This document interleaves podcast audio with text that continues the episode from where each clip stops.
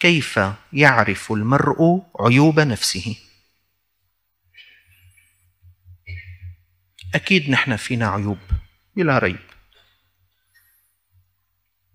بس كيف أعرف أنا عيبي؟ يعني أنا شو أنا معيوب بإيش؟ أنت معيوب بإيش؟ أنت أكيد فيك عيب بلا ريب. بس ما هو؟ أنت فيك عيب ما هو؟ كيف يعرف المرء عيوب نفسه. اكتشاف المرض نصف العلاج. يعني إذا بنطلع من هذه الخطبة وقد سلمتك مفاتيح كيف تعرف عيوب نفسك؟ وتبدأ بتطبيقها؟ قطعنا نصف المرحلة. نصف مرحلة تخلصنا من عيوبنا سنقطعها. اكتشاف المرض نصف العلاج. هذه قاعدة شهيرة في الطب. ولعلكم تعجبون أيها الإخوة إذا التفتتم إلى مسألة طريفة في كليات الطب. وهي إن كليات الطب المعنية بتعليم الطبيب المحافظة على صحة المرضى تدرس في كثير من مقرراتها مادة الأمراض. في مسألة نحن موجودة بكليات الطب في العالم كله هي طريفة الحقيقة. هذا الطبيب لازم يتعلم كيف يعالج. فالمتوقع إنه لازم تكون معظم الكتب في العلاج. بس الحقيقة معظم كتب الطب في المرض. أمراض العين أمراض الأذن والأنف والحنجرة الأمراض الهضمية أمراض الجهاز التنفسي أمراض القلب الأمراض النسائية الأمراض العصبية وهكذا. هذه أسماء مقررات في كلية الطب. نحن نتوقع أنه يكون لا المقرر عنوانه علاج أمراض الأذن علاج أمراض العين علاج الأمراض النسائية. بس لا المقرر اسمه الأمراض النسائية الأمراض العصبية أمراض العين. مسألة طريفة. لا عجب في هذا الأمر أيها الإخوة لأن معرفة المرض وتشخيصه نصف العلاج. ما في مشكلة. بالعكس هذا الصواب. إن معرفة المرء عيوب نفسه ومساوئ أخلاقه ورعونات ذاته نصف الطريق إلى العلاج. وما دام المرء يرى نفسه كاملا ويطريه من حوله فيصدق نفسه. على قد ما بيمدحوني بصدق على قد ما بيمدحوه ما شاء الله شو ها شو هالأداب؟ شو هالخلق؟ شو هالدين؟ شو هالاخلاق النبيلة؟ ما عاد في مثلها هي. المشكلة أن تصدق. خالص أنا وصلت إلى القمة. ما دام المرء يرى نفسه كاملا ويطريه من حوله فيصدق نفسه فلن يهتدي المرء إلى الازدياد من الخير والانفكاك عن الشر. قالت الحكم العطائية أصل كل معصية وغفلة وشهوة الرضا عن النفس. أصل كل معصية وغفلة وشهوة الرضا عن النفس. وأصل كل طاعة ويقظة وعفة عدم الرضا منك عنها. ولان تصحب جاهلا لا يرضى عن نفسه خير من أن تصحب عالما يرضى عن نفسه. ومن هنا أيها الإخوة تأتي أهمية هذه الخطبة. كيف يعرف المرء عيوب نفسه؟ مطلوب أن تبدأ بالتفكير من الآن. يعرف المرء عيوب نفسه بأربعة طرق. هذه الطرق الأربعة هي مادة هذه الخطبة. واحد المعلم. اتخذ لنفسك معلما عارفا بعيوب النفس والأخلاق. يريك عيوب نفسك. ورعونات أخلاقك تتأدب عليه وتلزم قوله ونصحه. يقول سيدنا أبو ذر الغفاري ساببت رجلا فعيرته بأمه. أبو ذر صحابي صحابي لهم رتبة.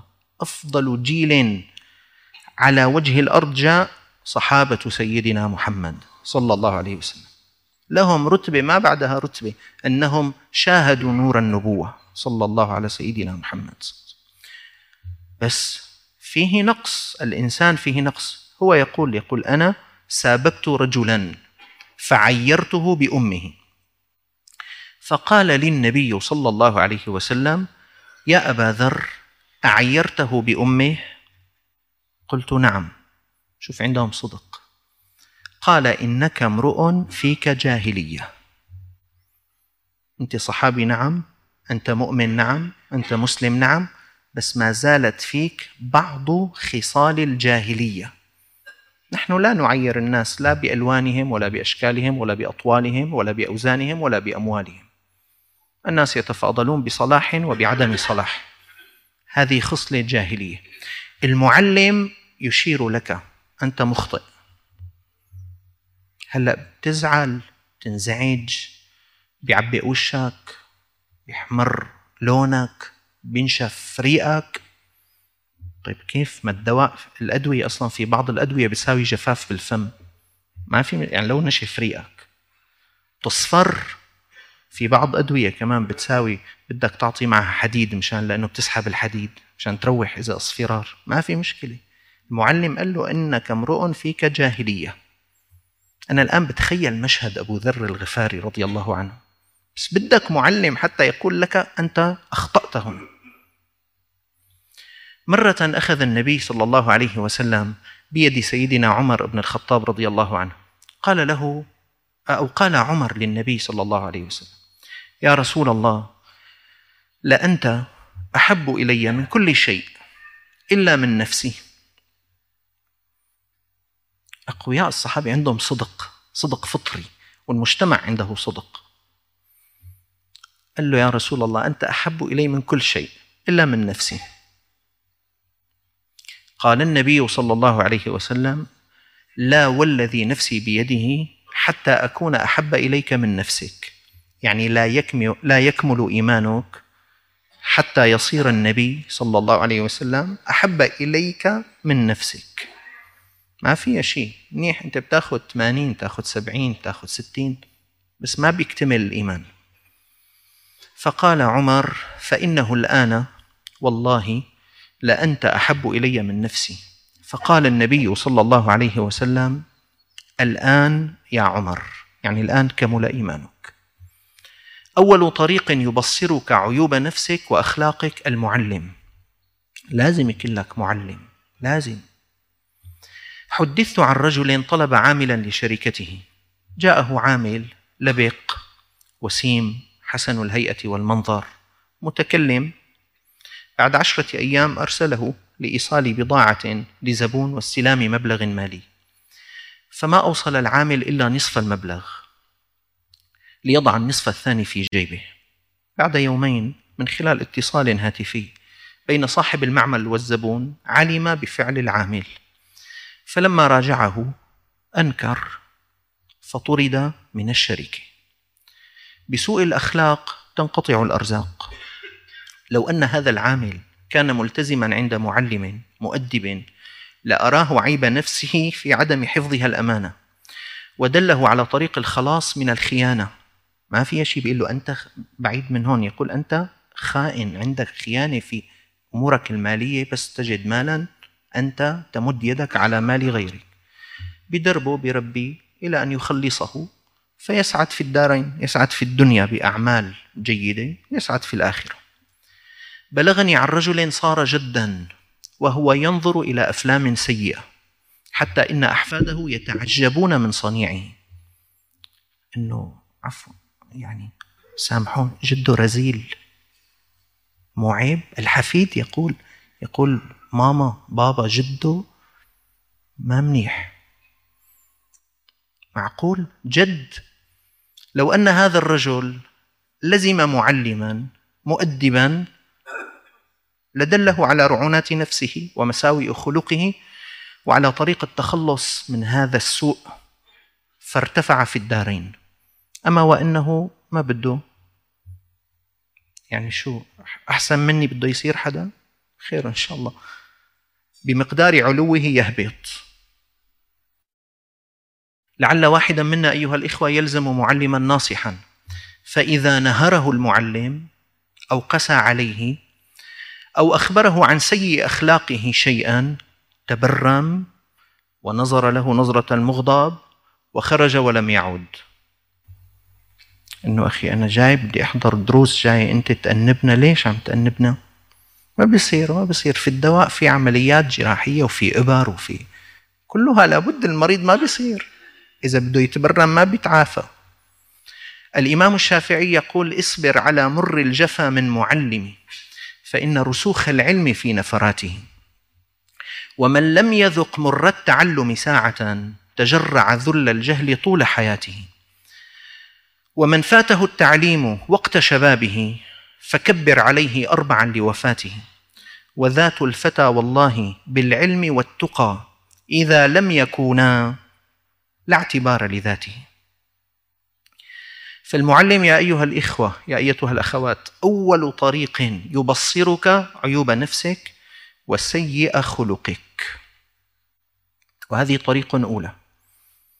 الطريق الثانية الصاحب الصادق. الصاحب الصادق ممتاز جدا في أن يكشف لك عن ساحة تقصيرك. اتخذ صديقا صدوقا خلوقا دينا. اطلب إليه نصحك عند زللك. قال سيدنا عمر رضي الله عنه رحم الله امرا أهدى إلي عيوبي. الله يجزيه الخير كل واحد بيناتكم. بيجي بيقول لي أنا أخطأت في كذا. عمر يقول أخرج البيهقي في السنن الكبرى عن أبي إسحاق. قال دخلت امرأتي على عائشة وزوجة لزيد بن أرقم. فقالت له زيد إني بعت زيدا بيعا بثمانمائة نسيئة واشتريته منه بستمائة نقدا. الزوجة عم زوجة زيد تقول للسيدة عائشة في معرض الحديث زيد صحابي. بتقول يا ستنا عائشة أنا كان عندي عقار مثلا فبعته لزوجي زيد بثمانمائة ألف. تقسيطا نسيئة. أنه كل سنة بمرق لي مئة ألف. واشتريته منه نقدا. رجعت أخذته منه وأعطيته ستمائة ألف نقدي. هلأ شو صار تركيبة العملية؟ إنه هي عطت زوجها 600 ألف نقدي في عقد بيع ولها على زوجها 800 ألف تقسيطا. قالت عائشة رضي الله عنها شوف الصديق الصادق أنا عم بحكي لك قصتي شو ساويت مع الزبون وأنت صديقي الصادق قالت عائشة رضي الله عنها أبلغي زيدا بعتي لزوجك خبر أن قد أبطلت جهادك مع رسول الله. صلى الله عليه وسلم. إلا أن تتوب بئس ما شريت وبئس ما اشتريت. هذه صيغة للتعامل بالربا أدخلنا فيها سلعة. أنا محتاج هلأ ل 600 ألف ليرة سوري. سألتكم ما حدا ديني. جيت لعند واحد قلت له أخي تعال أقول لك اشتري مني هالجبة ب 800 ألف ورقة سوري تقسيط. قال لي اشتريت. قلت له بيعني هالجبة ب 600 ألف ليرة نقدي. قال لي اشتريت. بعت. رجعت الجبة لعندي. أخذت منك 600 ألف ورقة حطيتهم بجيبتي. وحب رجع لك 800 ألف ليرة سوري. معناتها كأنه أنا تدينت منك 600 ألف وحب رجع لك ياهون 800 ألف ليرة سوري. خدعة ربوية سيدة عائشة سمعت الكلام قال أنبئيه أن قد أبطلت جهادك مع النبي صلى الله عليه وسلم. هذا صحابي مجاهد ومع رسول الله صلى الله عليه وسلم. لأنك تعاملت بالربا. رفقات بيجلسوا مع بعضهم بيسمعوا عم يحكي عقود ربوية عقود حرام. ما بيقول له شيء. الصديق الصادق فورا يقف يكشف له هون خطأ هون حرام. الصديق يسر لصديقه بأشياء خاصة في علاقاته في الأسرة في البيت في العائلة مع أمه مع أبيه. أغضبت أبي أغضبت أمي. الصديق الصادق فورا بيوقفك بيقول لك تعال. هون خطأ. اعتزل داود الطائي الناس. قيل له لم لا تخالط الناس؟ قال ماذا أصنع بقوم يخفون عني عيوبي. الصاحب الصدوق يذكرك إذا نسيت ويعينك إذا تذكرت يبصرك عيوب نفسك. الصاحب السوء المداهن يخفي عنك عيوبك ولا يزال يمدحك حتى تعظم عندك نفسك. وربما نسيت فلم يذكرك وربما ذكرت فلم يعنك. صاحب أحدهم صاحبا وبعد سنة قال له لا أريد أن ألقاك بعد اليوم. سأله صاحبه عن السبب متعجبا. خير إن شاء الله ليش بدك ما تلقاني؟ قال أنا صاحبك من سنة ولم تنبهني على عيب من عيوبي ابدا. هلأ أنا هذا الآن بالدراسات الجديدة أي مشروع يوضع؟ توضع من بداية المشروع إنه ما هي معايير نجاحنا؟ يعني أنا كيف سأعرف حالي نجحت أو فشلت؟ من قبل ما أبدأ بالمشروع يجتهد ويفكر إنه شو معايير؟ كيف بدنا نقيس؟ فأنا بقترح عليكم يكون هذا معيار لأداء العلاقة بينات بعضنا البعض. إذا واحد بيناتنا مصاحب واحد سنة ما قال لك ولا عيب هذا صاحب غير جيد. ما في شيء. غير جيد بالنسبة لمساعدتك على التخلص من عيوبك. معيار بسيط هو لازم يقول لي أكثر. بس هلأ عم نعمل مراجعة من الآن وقول لي من حولك ترى إذا بتمر سنة ما بتقلي. على خطأ فيني سامحني. هذا فراق بيني وبينك. مثل الأخوين كمثل اليدين تغسل إحداهما الأخرى. يرى الآخرون عيوبك أكثر مما تراه بنفسك فاجتهد لتسأل إخوانك عن أخطائك ليخبروك بها. أول طريق لمعرفة أخطائك المعلم الثاني الصاحب الصادق. ثلاثة الطريقة الثالثة الخصم. خصومك مفيدين جدا. في أن يكشفوا عيوبك. استفد عيوبك من خصومك. فانظر ما يقوله أعداؤك عنك لتصلحه إن كان صحيحا. لأن عين السخط تبدي المساوئ. ومن هنا أنشدوا وعين الرضا عن كل عيب كليلة. ولكن عين السخط تبدي المساوية يعني اللي بيحب تاني سبحان الله ما عاد ما عاد بيشوف يعني مثالبه كله منيح كله كمال كله أدب كله حكمة كله بس العدو ينظر لك بعين النقد اللاذع. فمن تكلم عنك بالنقص فلا تنزعج لأنه قد يخبرك بعيوبك فتصححها أو فتصححها. وانتفاع الإنسان بخصم يذكره عيوبه أكثر من انتفاعه بصديق مداهن يثني عليه ويمدحه بما ليس فيه ويخفي عنه العيوب. أما الطريق الرابع الأخيرة المعلم والصاحب والخصم. الرابع الأخير المخالطة. مخالطة الناس. بس مخالطة بوعي.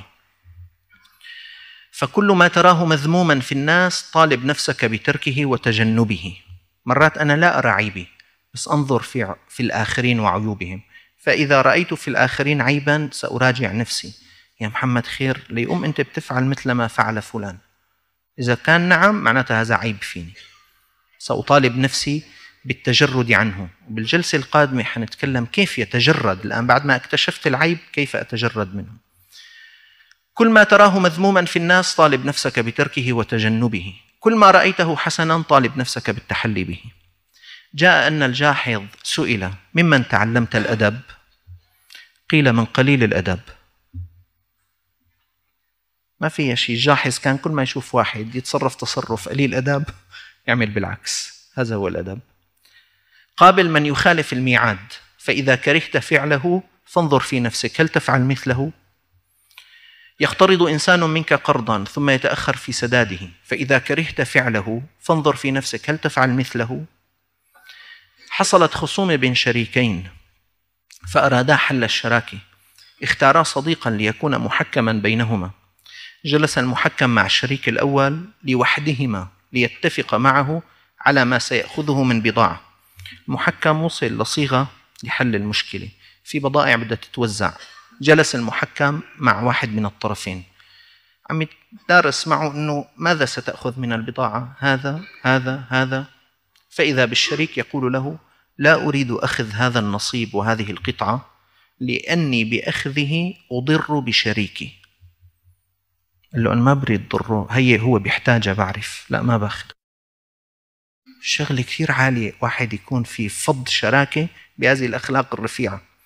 المطلع على هذه الحادثة عليه أن يتعلم الإنصاف في الخصومة. بكرة بس يصير أنا معي خصومة مع واحد لازم ساوي مثل هذا الرجل. ويسأل نفسه نفسه هل له مثل هذا الإنصاف للناس في الرضا والغضب؟ عقد شاب على فتاة. بعد أشهر قررت الفتاة مع أهلها أن لا يستمر العقد. طلبوا إنهاءه ولم يبدوا سببا. أرسل الشاب من يتكلم عليه بالسوء أمامهم إيقاعا بهم. هلأ هن قالوا له والله يا ابني سامحنا ما منريد نستمر بالعقد. خير في شيء أنا أسأت لا ما في شيء. في تصرف أهلي تصرفوا تصرف. سامحنا أمر خاص فينا. ما منريد يعني وأنت لا, لا إثم عليك ولا وزر بس أرجوك ساعدنا أنه نفض العقد.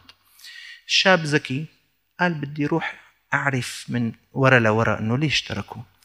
فأرسل رجلا من أقاربهم أطرافهم معارفهم يتكلم عليه بالسوء. قال له بتروح تقول عني أنه أنا كذا وكذا وكذا مشان هن يعني كأنه بيرتاحوا يعني وبياخذوا راحتهم بقى بيحكوا.